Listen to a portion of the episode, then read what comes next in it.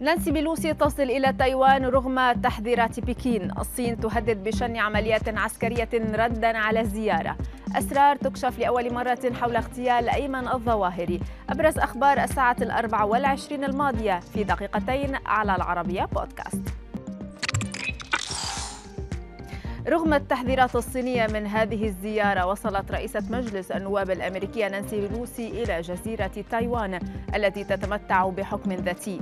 وفي أول تصريح لها من العاصمة تايبي تعهدت بيلوسي بدعم الولايات المتحدة لتايوان مؤكدة أن الدعم الأمريكي للشعب التايواني أكبر من أي وقت مضى.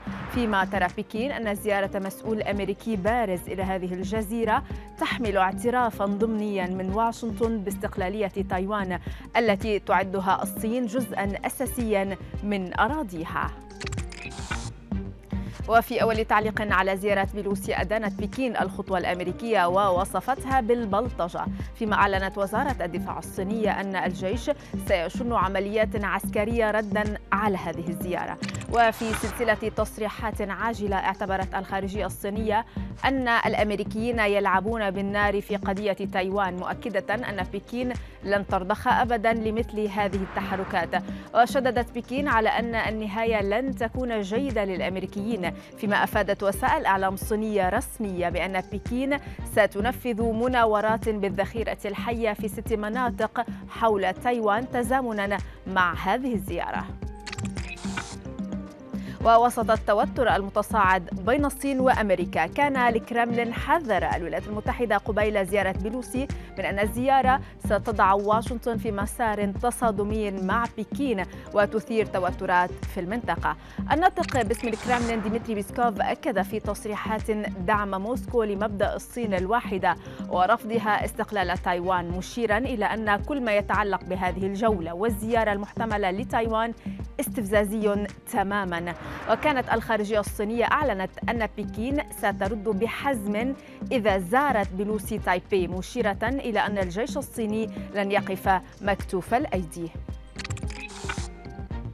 ضجت وسائل الإعلام وال social media بخبر مقتل زعيم تنظيم القاعدة أيمن الظواهري بضربة أمريكية في أفغانستان وهو ما أثار تساؤلات حول كيفية تنفيذ هذه العملية.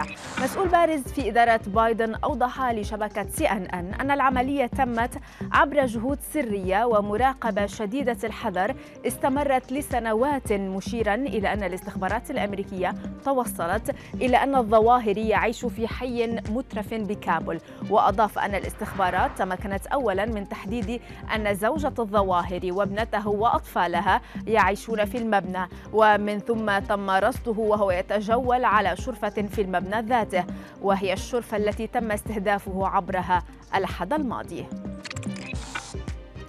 وفي خبرنا الأخير قال الرئيس الأمريكي السابق دونالد ترامب إن إصابة جو بايدن مرة ثانية بفيروس كورونا تم تشخيصها بشكل خاطئ من قبل أطبائه.